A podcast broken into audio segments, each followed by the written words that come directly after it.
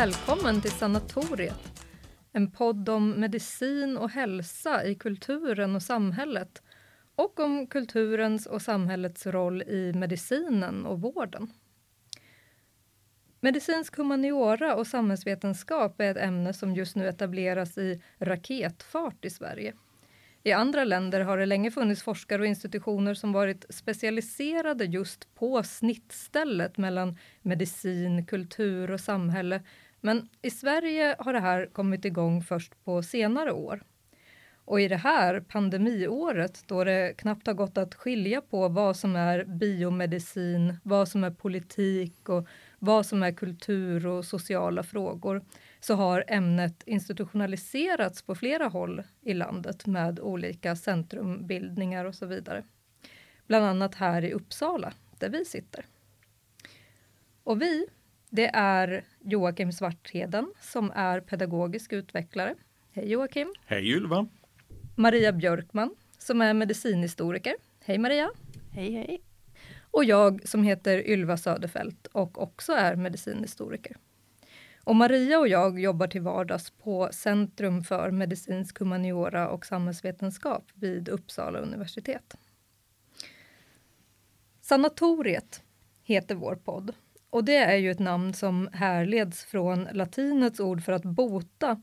Men det för också tankarna till medicinens kulturarv och eh, historia. Lungsanatoriet är en sån här mytomspunnen plats, en central institution i vår kultur och historia som skapades just på snittstället mellan samhälle, kultur och medicin. Just där vi vill befinna oss i våran podd. Och namnet för också tankarna till eh, Thomas Manns klassiska verk Det Zauberberg, Bergtagen som den heter på svenska, Eh, och där är ju sanatoriet en sorts symbolisk utsiktspunkt och mikrokosmos eh, för att skärskåda samtiden igenom. Så det är ett sånt sanatorium som vi befinner oss i idag och eh, det är höga ambitioner för en podd, men det finns ingen anledning att vara blygsam. Men vad är då medicinsk humaniora och samhällsvetenskap och varför ska man ha det egentligen? Jag tänker att eh, det är väl ett bra ställe att börja. Eh, och jag tänkte fråga er, Joakim och Maria, vad säger ni? Ja, jag tänker mig att eh, det är ett ämne som inte går att komma undan. Eh, en läkare kan svara på hur kan vi nå ett eh, värdigt liv? Men läkaren kan inte svara på vad är då ett värdigt liv? Utan där behövs det en dialog. Det behövs dialog naturligtvis mellan läkaren och patienten på den nivån. Men det behövs också på en samhällelig nivå och även på en interprofessionell nivå. Vi måste ha ett samtal kring detta. Och jag tror att det är just ett samtal. Vi måste kunna skärskåda varandra utifrån också och med distans. Men det får inte stanna där utan vi måste mötas. Både i professionen och i akademin, i vetenskaperna. Så ser jag det. Och varför jag då har kommit in på det hela? Ja, alltså ämnet är ju intressant. Det är väl den, den allra enklaste frågan, eller enklaste svaret på den frågan. Eh, personligen så är jag ju, alltså det är filosofi och socialpsykologi som är mina huvudämnen. Och när det gäller filosofin så är det faktiskt eh, framförallt den praktiska kunskapens teori, alltså kunskap uttryckt i handling. Och där blir ju professionsforskning naturligtvis väldigt intressant överhuvudtaget och inte minst vad det gäller vård och läkarkonst. Där kraven på vetenskaplig förankring, teoretisk kunskap eh, i kombination och egentligen uttryckt i en konkret handling. Och den konkreta handlingen är alltihopa från väldigt basala handgrepp till eh, att det är betydligt komplexare skeden. Redan ett patientmöte är ju ett komplext skede. Att ta in en ny människa, en ny eh, eh patient är ju ett komplext skede i sig. Eh, jag har också jag har en officersbakgrund Eh, och jag har jobbat närmare 25 år i Försvarsmakten om än mestadels eh, civil. Och redan under officershögskolan så upptäckte jag, jag är signalist i grunden, att det var ändå mindre eh, transmission, radioapparater och eh, telefonväxlar som, som fångade mitt intresse. Utan det var de människor som skulle få detta på rull, de metoder, det ledarskap, den pedagogik som krävdes för att förverkliga detta. Det var det som eh, fångade mig. Och under många år så var jag också då lärare i ledarskap och pedagogik inom det militära. Började med befäls eh, värnpliktiga. Vanliga eh, svenska tjejer och killar som var uttagna till att föra befäl eh, under sin lumpartid. Eh, och sen med eh, officersaspiranter och vidare då eh, officerare under vidareutbildning. Och jag upptäckte också ganska snart att hur mycket jag än pluggade på universitetet så fick jag aldrig riktigt någon begreppsapparat för den typen av professionell kunskap som var kanske den viktigaste, alltså den här fingertoppskänslan, blicken, magkänslan och så vidare som, som krävdes för en för en skicklig officer, kort och gott. Det språket och den eh, begreppsvärlden teoribildningen fick jag inte från det akademiska. Och de största människokännarna var heller inte nödvändigtvis mina lärare i socialpsykologi utan det var än hellre de här truppofficerarna som gått 5, 10, 15 år och gnuggats med dessa eh, värnpliktiga som kunde se på en gång om en värnpliktig inte eh, mådde bra, kunde se om en värnpliktig slirade på sanningen och, och så vidare med, med, en enkel blick med en enkel eh, kontakt. Sen hamnade jag i projekt där man faktiskt försökte synliggöra detta och där man försökte fånga detta med blick, intuition och så vidare. Och det var genom avdelningen för yrkeskunnande och praktik på KTH. Man hade upptäckt där under 70-talets misslyckade experiment med att försöka översätta yrkeskunnande till programspråk att den typen av kunskap låter sig inte fångas i ett programspråk. Det låter sig inte studeras med, med gängse det vi kallar för induktiva eller deduktiva vetenskapliga metoder utan man var tvungen att finna annat. Man var tvungen att locka fram den här tysta kunskapen eh, hos de professionella för de var inte ens alltid medvetna om vilken kunskap de hade. De var inte medvetna om vilka bedömningar de ändå gjorde eh, i sin vardag utan de kunde svara som ja men det ser man eller det hör man eller det märker man eller det känner man på doften. Och då utvecklar man då metoder för att locka fram detta genom att läsa och skriva och eh, eh att hämta sin kunskap ur humanioran att locka fram, hitta analogier mellan olika professioner, hitta analogier gentemot konsten, eh, skönlitteraturen och så vidare. Där fick jag den begreppsapparaten. Eh, eh, och därmed kom jag också in i den kunskapsteoretiska dimensionen än mer. Var med om ett antal sådana eh, forskningsprojekt, hamnade som forskningsassistent på ett institut som heter Centrum för studier om militär och samhälle som uteslutande ägnar sig åt eh, militär professionsforskning ur ett kunskapsteoretiskt perspektiv, praktiskt kunskapsteoretiskt eh, perspektiv.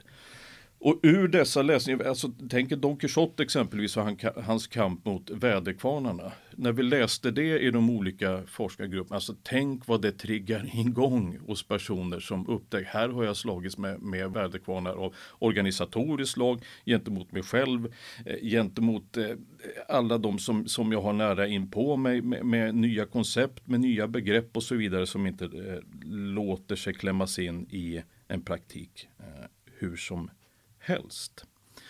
Eh, så jag tog också då magisterprogrammet i praktisk kunskap vid Södertörn och där kom jag också i kontakt med den eh, medicinska humanioran mer konkret och förstod hur mycket den kunde bidra med i förståelsen för vårdpersonalens praktik och förståelsen inte minst för, för patientmötet då mellan läkare och patient. Ja, detta om min ingång i ämnet. Du då Maria? Ja, min ingång till medicinsk humaniora är ju kanske en annan. Jag är ju också precis som Ylva medicinhistoriker och ursprungligen så den här konstanta insikten som jag, som jag ju får hela tiden är att våra liv på något sätt i det moderna samhället är så oerhört beroende av medicinen. Och vad gör det med oss? Det tycker jag väl är en sån här kärnfråga som har intresserat mig, som fortsätter att intressera mig. Och det här faktumet att liksom medicinska upptäckter har betytt så oerhört mycket för oss. Eh, och att det är en skillnad liksom på liv och död, verkligen. Eh, jag tänker till exempel på eh, den här medicinska eh, upptäckten kring basal hygien. Liksom. Semmelweis som på eh, den obstetriska kliniken i Wien upptäckte att de kvinnor som hade fött barn och undersöktes av studenter som hade kommit direkt från obduktionen av kvinnor som hade dött i barnsängsfeber. De kvinnorna på den avdelningen dog ju som flugor jämfört med på andra avdelningar. Och den insikten banade ju väg för så mycket. Och man tittar liksom då på den moderna medicinen och går bakåt i tiden så upptäcker man ju då förstås naturligtvis att dagens medicin är en produkt av liksom, historisk medicin. Och att det finns långa, långa linjer med eh, nätverk av personer, eh, deras arbete, deras instrument, deras institutioner, deras idéer, deras politik. Samhället de var en eh, produkt av. Um, men sen så blev jag också eh, tänkt anknyta lite till det du berättade om eh, den här tysta kunskapen. För det är också någonting som är oerhört fascinerande i, eh, i medicinen. Att eh, titta just på de sociala, kulturella, psykologiska aspekterna av medicin. Vad är det som pågår? Hur skapar medicinska utövare den här kunskapen? Hur bygger de sin kunskap? Eh, det finns ett jätteintressant projekt vid Linköpings universitet där eh, man studerar hur emotionella kunskaper lärs ut. Till exempel då på barnmorskor, barn, för barnmorskor och brandmän. I två väldigt olikt, olikt mm. kodade eh, yrkeskategorier. Då, då. Barnmorskor som oftast är kvinnor och brandmän som oftast är män. Hur lär man ut liksom, hur man ska känna känslor, hur man ska hantera känslor och hur man då ska hantera dem i relation till eh, människor man möter. Eh, och den där tysta kunskapen är ju någonting som man ofta, tycker jag, vill åt. Eh, eh, och lära sig förstå. En kunskap som inte alltid är så lätt att fånga. Det, det är svårt att skriva utbildningsmål, kursmål för det. Det är naturligtvis inte omöjligt men det är återigen kunskap som lite grann hänger i luften och som kräver lite krum, krumbukter för att låta sig återigen formuleras. Då. Jag kan mm. haka på eh, med det här med att träffa andra yrkesgrupper och göra eh, analogier som jag nämnde i början. Vi fick då ett antal försvarsanställda, både civila officerare och reservofficerare, bland annat träffa en professor i blockflöjt, Claes Persson. Och vad har en, en eh, officer och en eh, professor i blockflöjt att lära varandra? Jo, hade väldigt mycket att utbyta. Eh, disciplinens eh, betydelse för skickligheten. Säkerheten i handlaget som är liksom en, en nödvändig förutsättning men inte alls en tillräcklig förutsättning för att det ska bli god musik eller god utbildning. Eh, hur förhåller man sig till en urkund?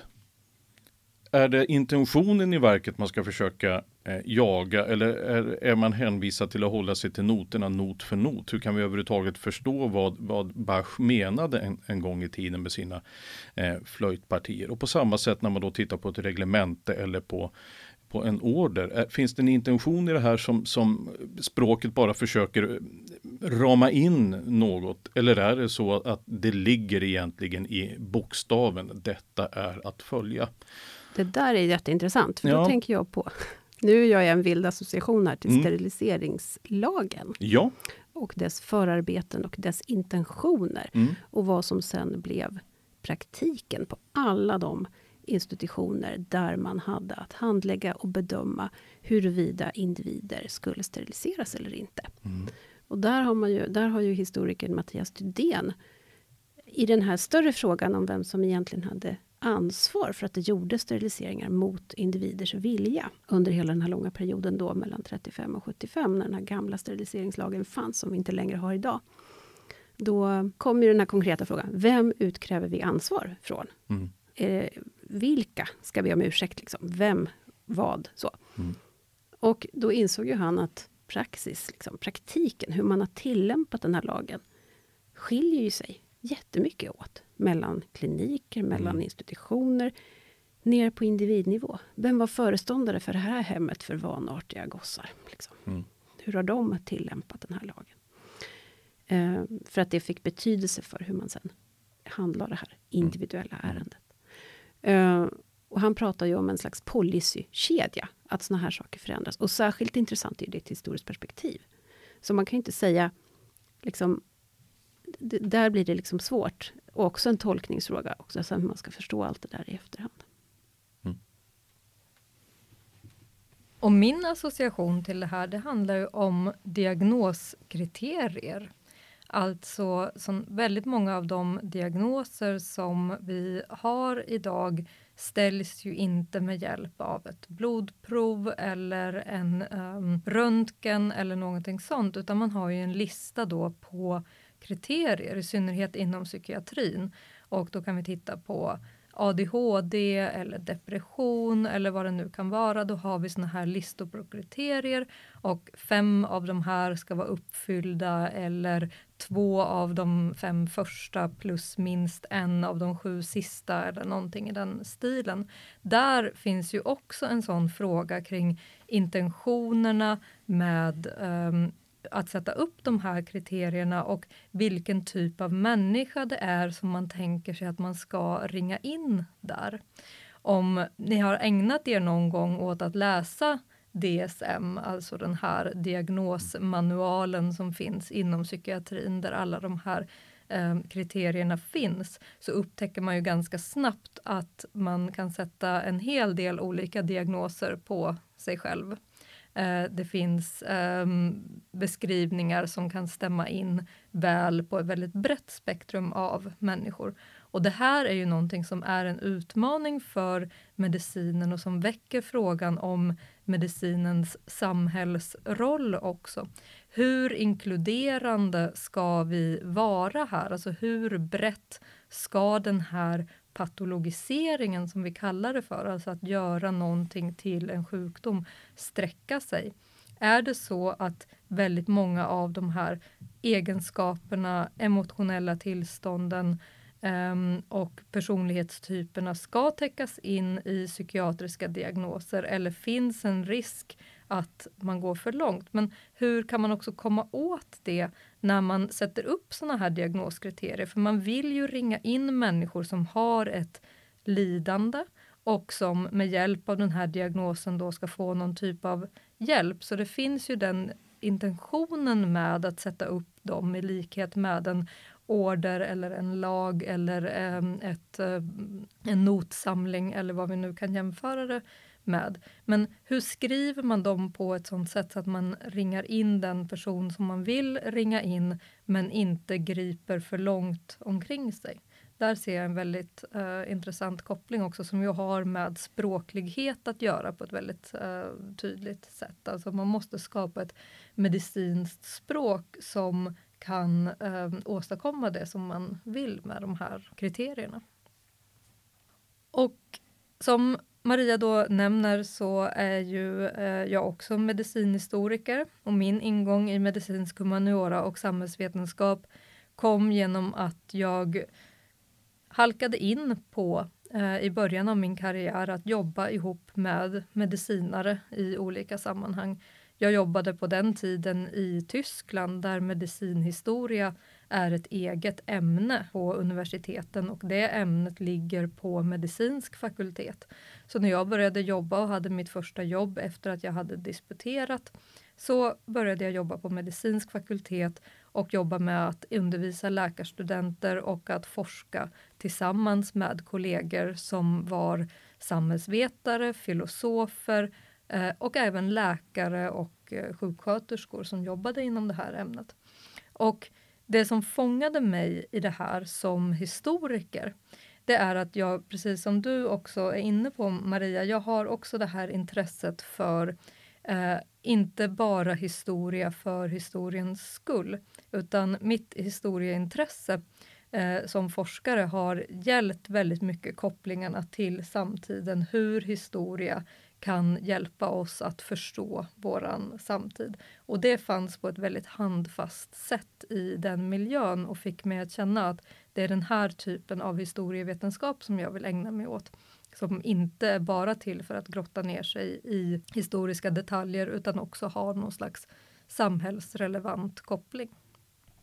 Och jag upplever att det är en så fantastisk förmån som humanist och som historiker att kunna arbeta faktiskt med en på ett praxisorienterat sätt och ha en koppling till en tillämpning.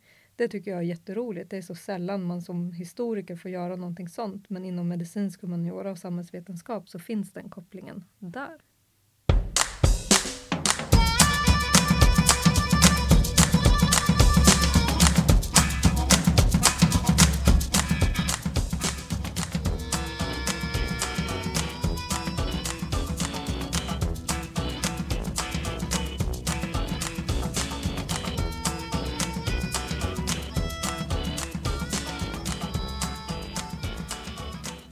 Men hörni. Joakim kommer alltså från det militära och från pedagogiken och eh, Maria och jag då från eh, medicinhistorien. Och, eh, så ingen av oss är alltså medicinare utan vi sitter här och pratar om medicinarna och om hur viktiga vi tycker att humaniora och samhällsvetenskap är för dem. Det blir ju lite tokigt. Men som tur är så har vi fått in en gäst i studion nu Välkommen Ann-Marie Lantblom. Tack så mycket. Du är professor i neurologi och forskar bland annat om narkolepsi och epilepsi och MS, multipel skleros. Vad är neurologi? Ja, det är ju läran om nervsystemet och det brukar man ju då sammanfatta som centrala nervsystemet som är hjärna och ryggmärg och det perifera eller yttre nervsystemet som är de här nervfibrerna som går ut i kroppen till armar och ben och även till eh, organ som tarmar och hjärta och så. Sen innehåller ju neurologi också eh, saker som har med medvetande att göra, det vill säga är man medvetslös, är man i koma, sover man för mycket, har man narkolepsi, man somnar in, så det är sådana aspekter som är kärnan i vår verksamhet. MS, vad är det för sjukdom? MS är en sjukdom som egentligen heter multipel skleros och det är en inflammation som sätter sig i centrala nervsystemet, alltså hjärna, ryggmärg. Och eh, ofta börjar förhållandevis tidigt i livet, i runt 25, 30, 35 års åldern och sen med tiden eh, faktiskt ger risker för en funktionsnedsättning. Oftast då i form av en gångstörning eller en synnedsättning. Men det kan bli många andra typer av neurologiska eh, funktionsnedsättningar också. Vi har bjudit in dig eftersom vi vet att du är något av en pionjär inom det här området medicinsk humaniora och samhällsvetenskap även om du kanske inte har använt de här termerna. Och jag vet att du har gjort olika saker i din verksamhet som läkare och som forskare och eh, också lärare då för läkarstudenter eh, som har väldigt starka kopplingar till medicinsk humaniora och samhällsvetenskap. Skulle du kunna berätta lite om det? Absolut, eh, och då faller det sig kanske naturligt att gå lite tillbaka i tiden när jag var med väldigt tidigt i läkarutbildningen i Linköping och eh, undervisade i ett ämne som just skulle vara en orientering i litteratur och medicin. Och eh, där studenterna då fick tillfälle att läsa olika nyckelböcker och sedan diskutera dem utifrån ett perspektiv både att vara människa och att vara frisk och att vara sjuk. Och jag minns till exempel eh, några grupper där vi diskuterade Dvärgen av Per Lagerkvist. Det var en väldigt bra utgångspunkt för den här typen av resonemang och eh, jag vet att studenterna uppskattade det här väldigt mycket. Jag har till och med träffat på en ung läkare eh, inom neurologi ganska nyligen som hävdar att han blev så inspirerad av det här så att han faktiskt valde att bli neurolog. För vi hade uppenbarligen diskuterat ganska mycket under just eh, hans eh, kurs här om saker som liksom berör neuro då. Och det var ju väldigt glädjande. Eh, så att det där är ju en erfarenhet som jag tycker är viktig att lyfta fram. Sen när det gäller annan typ av undervisning och dialog så skulle jag gärna vilja komma in på eh, patientundervisning som det hette förr och nu kanske man har andra ord för det. Det kan ju handla om studiecirklar till exempel, både sådana som är en gång i veckan och över lång tid för att man ska lära sig om en diagnos. Men det kan också vara veckoslutskurser, till exempel i regi av olika folkbildningsorganisationer på folkhögskolor och så vidare. Och jag har då mest erfarenhet av att arbeta med personer som har MS. Vilket har varit oerhört utvecklande för det här är ju ett ömsesidigt lärande. Jag har kunnat lära dem en del om sjukdomen men de har också kunnat lära mig väldigt mycket om sjukdomen. Och sen skulle jag vilja säga att vi tillsammans då har utvecklat ett koncept som har fungerat alldeles fantastiskt bra. Eh, så det är något som jag skulle vilja lyfta just det här eh, den ömsesidiga dialogen med personer med eh, funktionsnedsättning eller sjukdom. För att här blir ju läkaren eller läraren på något sätt lite mer jämbördig med eh, de deltagande eller brukarna om man nu vill använda det ordet. Och när vi nu talar om humaniora och litteratur så skulle jag också vilja nämna här att vi hade stor glädje av en bok som heter Upptäckten av långsamheten av Stena Dolny. En tysk författare och den här romanen publicerades 1987 och blev en kultbok faktiskt. Den är översatt till väldigt många av världens språk. Det var den första boken mig veterligen som tog upp det här med långsamhet som en entitet eller en, ett fenomen som man kan ha möjlighet att reflektera över. Och när jag introducerade det här temat i kurser och grupper med personer med MS då använde vi oss av det här att ett handikapp, en funktionsnedsättning kan ju leda till långsamhet förstås. Och det blir ju frustrerande och jobbigt i ett samhälle där man så att säga har bråttom hela tiden. Men här gällde det ju då att gå vidare och tänka vad, vad kan eventuellt till och med vara bra med att man är lite långsam? Vad skulle man kunna vända till en fördel eh, i det här sammanhanget? Där kommer vi in på ordet funktionsvariation på ett osökt sätt. Va? För att en sjukdom eller en funktionsstörning kan ju ha sidoeffekter som faktiskt är positiva. Och det är utmanande att tänka över det men att eh, om man har tiden för sig och ett bra samtalsklimat så finns det absolut möjligheter att beröra de här sakerna. Så det hade jag förmånen att jobba med i många år eh, med olika typer av MS-patienter i grupp. Det kunde vara tjejer, kvinnor, blandade grupper, ungdomar och så vidare. Eh, då kommer jag osökt in på ytterligare en bok här nu då. Och eh, detta var en fantastisk norsk bok som hette Hälsopedagogik. Kom på 90-talet har jag för mig, författad av Liv Hopen och Egon Wiflat. En så pass fantastisk bok som då syftade till att personer med samma diagnos eller olika diagnoser träffas och reflekterar över sitt sjukdomstillstånd, över förutsättningarna och begränsningarna, men kanske även fördelarna med det. Och den boken som skrevs av de här två norska författare, Hälsopedagogik, den eh, lyfter ju in dikter, konstverk, små mm, mininoveller och allt möjligt som material för deltagarnas reflektion.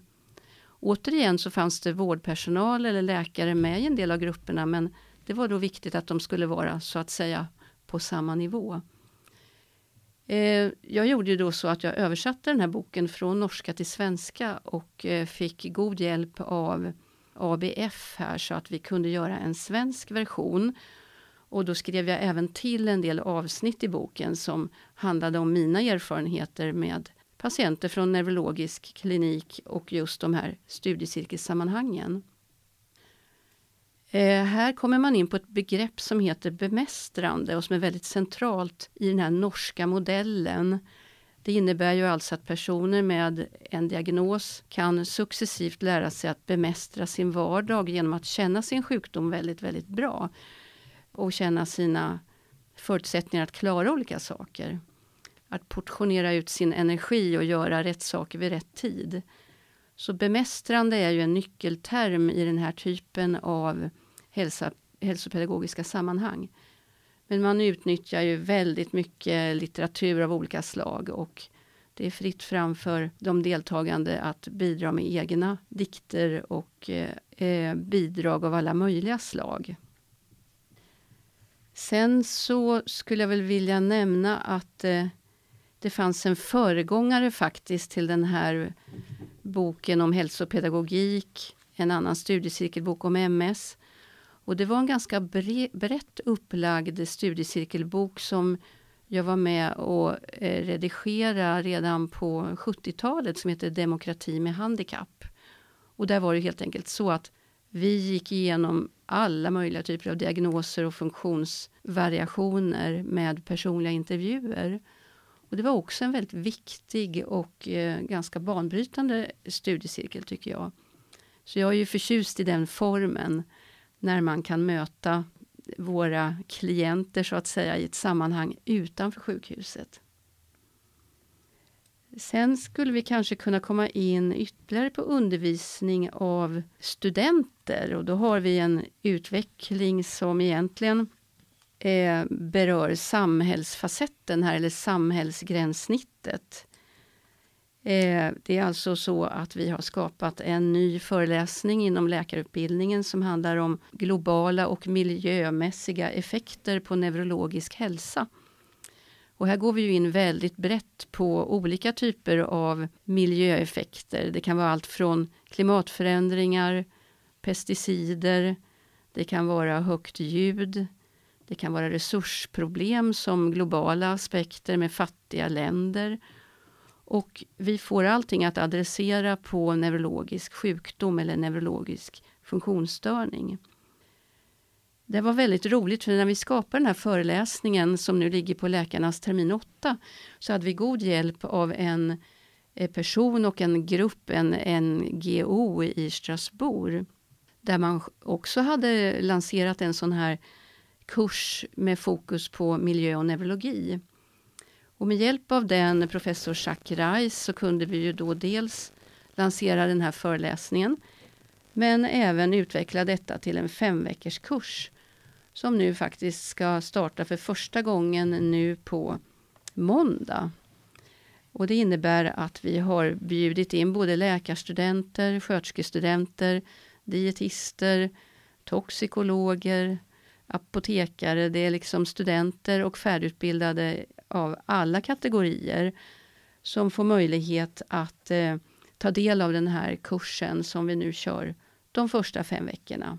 Men en hel del internationella föreläsare också. Så det här ser jag väl också som kanske en granne till medicinsk humaniora i alla fall. Att man intresserar sig för samhällsaspekten av att eh, hantera sjukdomar på olika sätt.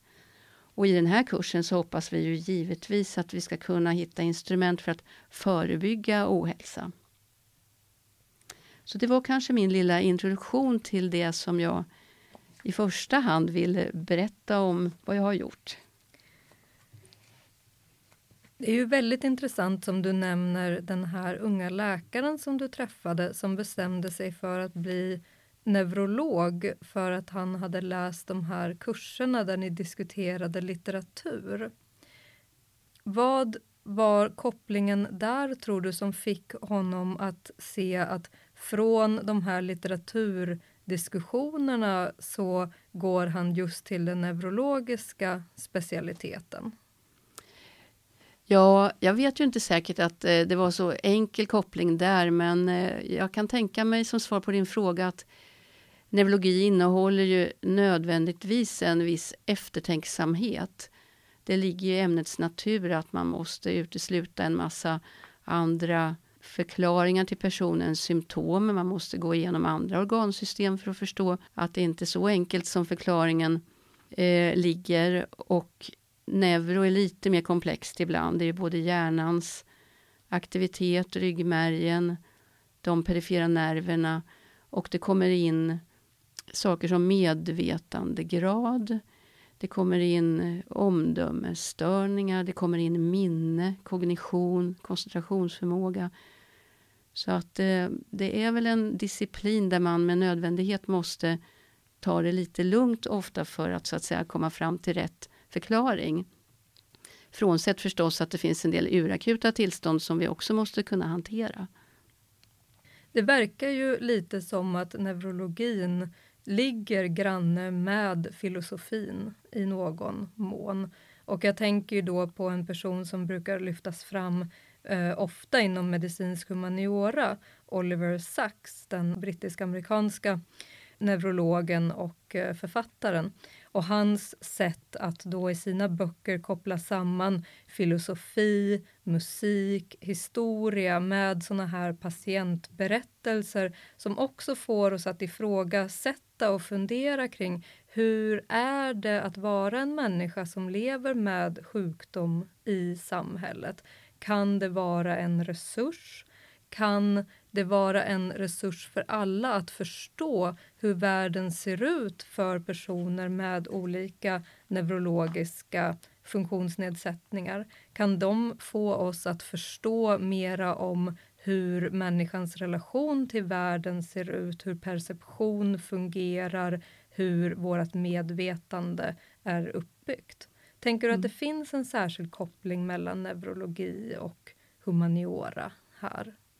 Ja, det skulle jag vilja säga. Och kanske också till våran eh, granndisciplin psykiatri. Säkert stort intresse för humaniora där. Och som exempel på det du just beskrev här så kan jag ju nämna att vi har en ung läkare hos oss som heter Joakim Burman som i sin doktorsavhandling just har berört det här med eh, vad är det att vara sjuk och vad är det att vara frisk. Han forskar på MS och en eh, speciell behandling där som är ganska eh, kraftfull som heter blodstamcellstransplantation. En del patienter har blivit så pass bra att de betraktar sig som återställda. Men egentligen inom medicinen så finns ju inte det begreppet utan MS är för oss en kronisk sjukdom som man inte blir bra ifrån. Den läker inte.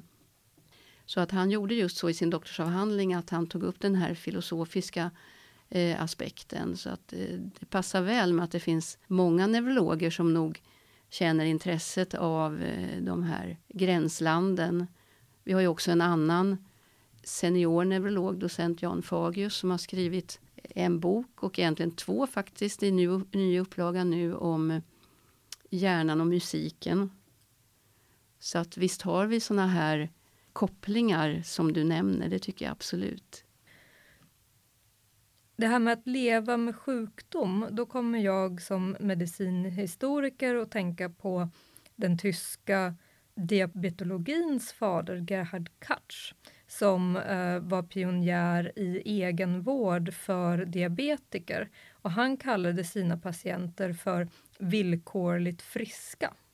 Och villkoret är då att de håller sig till läkarens rekommendationer, att de följer en strikt regim som är kopplad till kroppen. Men det här som du pratar om, det är ju närmast motsatsen till det egentligen. Det handlar inte om det här auktoritära villkoret som är inriktat på den biomedicinska kroppen, utan det handlar ju snarare om att hitta en annan väg att betrakta sjukdomen på. Vilket jag tänker mig att man gör då med den här kopplingen mellan långsamheten som en konsekvens av MS kopplad då till den här långsamhetens filosofi i den här romanen. Vilken påverkan upplever du att det har på patienter att börja tänka på sin sjukdom på det här sättet? Jag tycker att det skiljer sig. Därför att eh, det finns ju en del patienter jag har träffat på och även studiecirkeldeltagare då som ligger väldigt nära den här insikten om att de egentligen har gått till ett bättre liv när de fick sin diagnos. Så antingen så trillar det ner som en polett när vi diskuterar det här eller också har de redan tidigare kommit på att det var väldigt tur att jag faktiskt slutade på det där jobbet som jag inte orkade med för det jobbet var inte bra för mig. Eller det var faktiskt väldigt skönt att jag bröt kontakten med de här personerna som jag känner inte var bra för mig. Det blir någon sorts vattendelare, att man börjar lite grann vara mera eh, noggrann med sina aktiviteter, kontakter. Man ser att tiden är värdefull. Man behöver vila väldigt mycket. Då behöver man ha mycket hög kvalitet i den vakna tiden. Men det finns också personer som kan känna sig väldigt kränkta och tycker att det är en stor utmaning att höra sådana här saker som att det skulle vara bra att ha fått en sjukdom. Det kan låta väldigt paradoxalt och eh, eh, så att säga det är ganska individuellt hur man är öppen för den här tanken.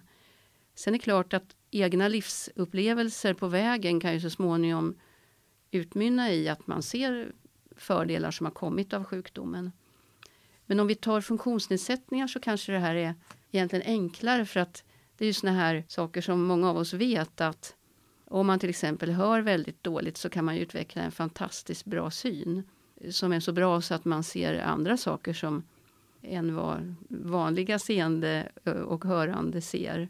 Man kan eh, träna upp alltså eh, känselegenskaper som gör att man får en hyperförmåga det gäller ju ja, för personer som ser väldigt dåligt i blinda så kan man utveckla sin känsel på ett alldeles otroligt sätt. Va? Man behöver ta hjälp av dofter och vinddrag och allt möjligt för att orientera sig. Det där kan ju också vara bra för allmänheten att känna till att en person med en funktionsnedsättning kan ju också ha en funktionsupphöjning till följd av situationen.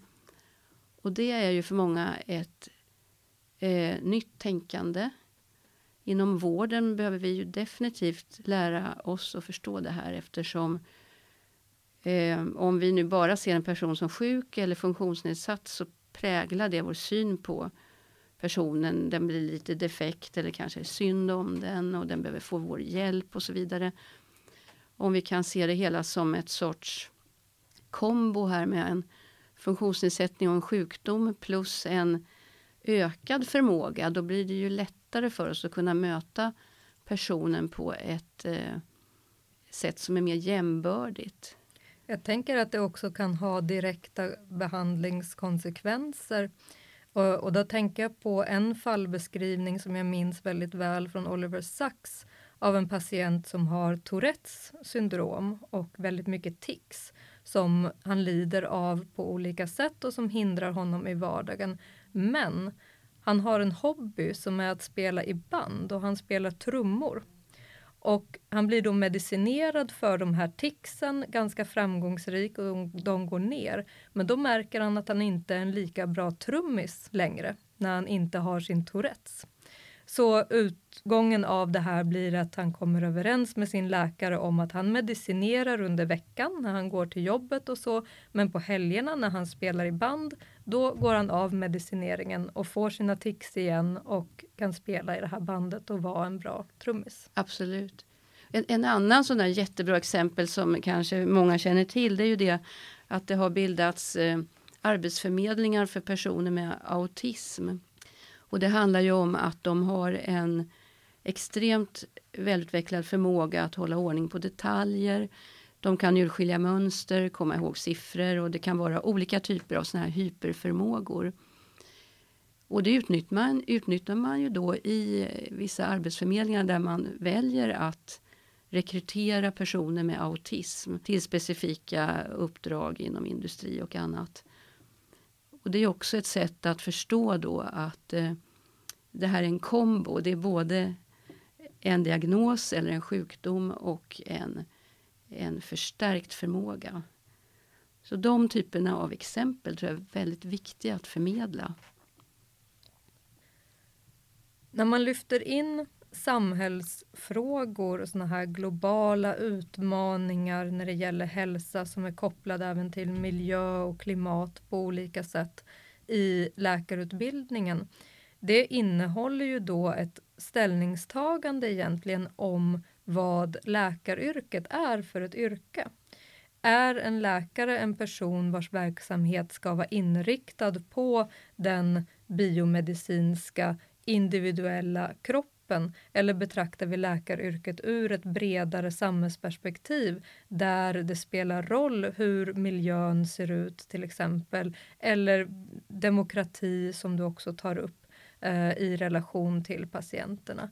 Ser du att läkarutbildningen tillhandahåller möjligheter för studenter att utveckla sina kunskaper och sina förmågor även bredare än bara den mötet med den individuella patienten i kliniken? Ja, alltså det finns ju en del inslag som jag nämnde det här i Linköping som sen spred sig till Stockholm och till andra läkarutbildningar. Utbildningen här i Uppsala, medicinsk humaniora, har jag hört av studenter att det är otroligt uppskattat. Så tror jag också att individuella lärare eh, kan ha det här perspektivet. Kanske inte alla läkare som är lärare har den här medvetenheten men eh, ändå en hel del skulle jag vilja säga. Jag tror att det kan finnas förutsättningar att de unga läkarstudenterna kommer in i den här eh, utvecklingen men givetvis jättebra om det förstärks och expanderar. Ann-Marie Landblom, jätteroligt att ha dig här i sanatoriet. Tack så mycket för att du ville komma. Tack själv.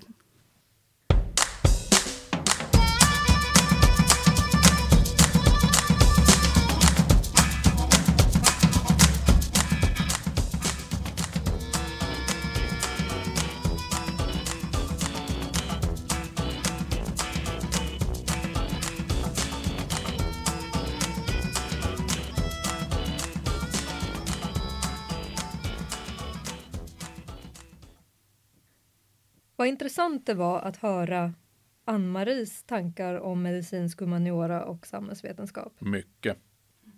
Det var verkligen superspännande att få höra eh, en del ur Ann-Maries eh, långa arbete för att eh, använda sig av medicinsk humaniora på olika sätt i läkarutbildningen. Eh, superspännande och jag blir förstås jättenyfiken på allt möjligt eh, mer. Så vi kanske får tillfälle att återknyta till henne, det hoppas jag.